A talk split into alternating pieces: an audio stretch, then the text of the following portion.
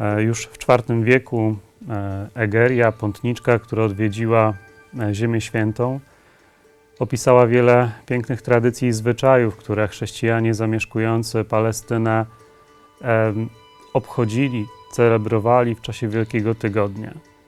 Jej itinerarium stało się i jest do dzisiaj dla wielu badaczy bardzo cennym źródłem informacji o tym, w jaki sposób chrześcijanie pierwszych wieków się modlili. My przeżywamy Wielki Tydzień, który rozpoczyna Niedziela Palmowa w bardzo trudnych warunkach. Wielu tych obrzędów, które swoje korzenie mają właśnie w starożytności, rozwijały się przez następne wieki, będziemy pozbawieni. Niedziela Palmowa jest pierwszym z tych wielkich dni, który przeżyjemy zupełnie inaczej niż dotychczas. Liturgia tej niedzieli przyzwyczaiła nas do tego, że zgodnie z nazwą tego dnia, Niedziela Palmowa, rozpoczynamy od procesji z palmami, bardzo pięknego obrzędu, którego w tym roku zabraknie. To piękne, ładne i bardzo plastyczne wydarzenie, jakim jest przyjście do kościoła z palmami, bardzo mocno koncentruje nas na mesjańskim wjeździe Jezusa do, Je- do Jerozolimy. Przychodziliśmy do kościoła, uczestniczyliśmy w procesji, nieśliśmy palmę, słuchaliśmy opisu wjazdu Jezusa do Jerozolimy, następowało poświęcenie palm. To wszystko e, bardzo mocno koncentrowało nas na tym właśnie opisie samego wydarzenia, jakim był wjazd Jezusa e, do, do świętego miasta.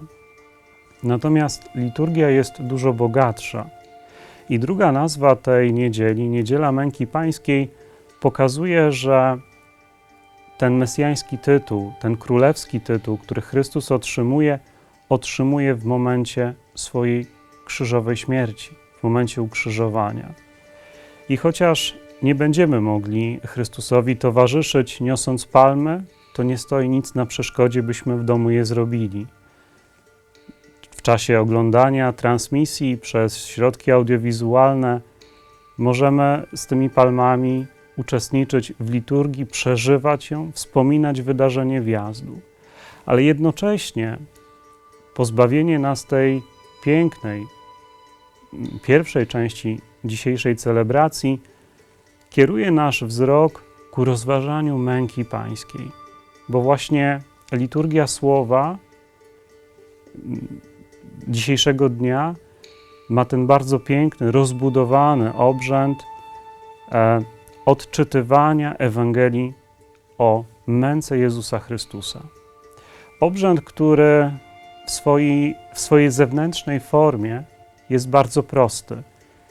Nie ma zbyt wielu towarzyszących ceremonii, nie podkreśla się jego wagi poprzez używanie świec czy kadzidła, ale ma przemówić do nas głębią samego słowa, całą swoją prostotą.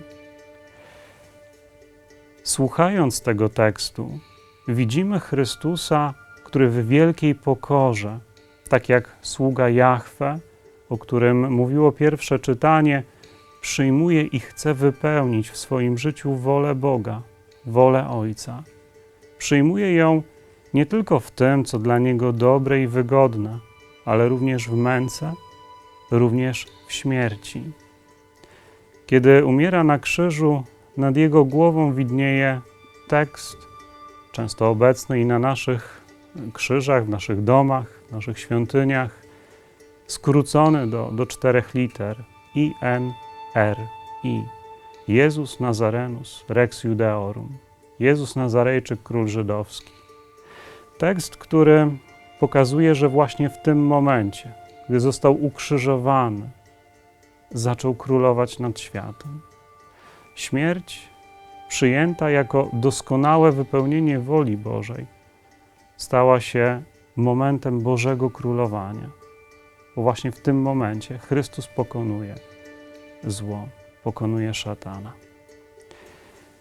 Cała celebracja tej dzisiejszej niedzieli, choć tak różna od tego, do czego przywykliśmy, może tym bardziej być dla nas e, momentem doświadczenia bliskości Boga osamotnionego.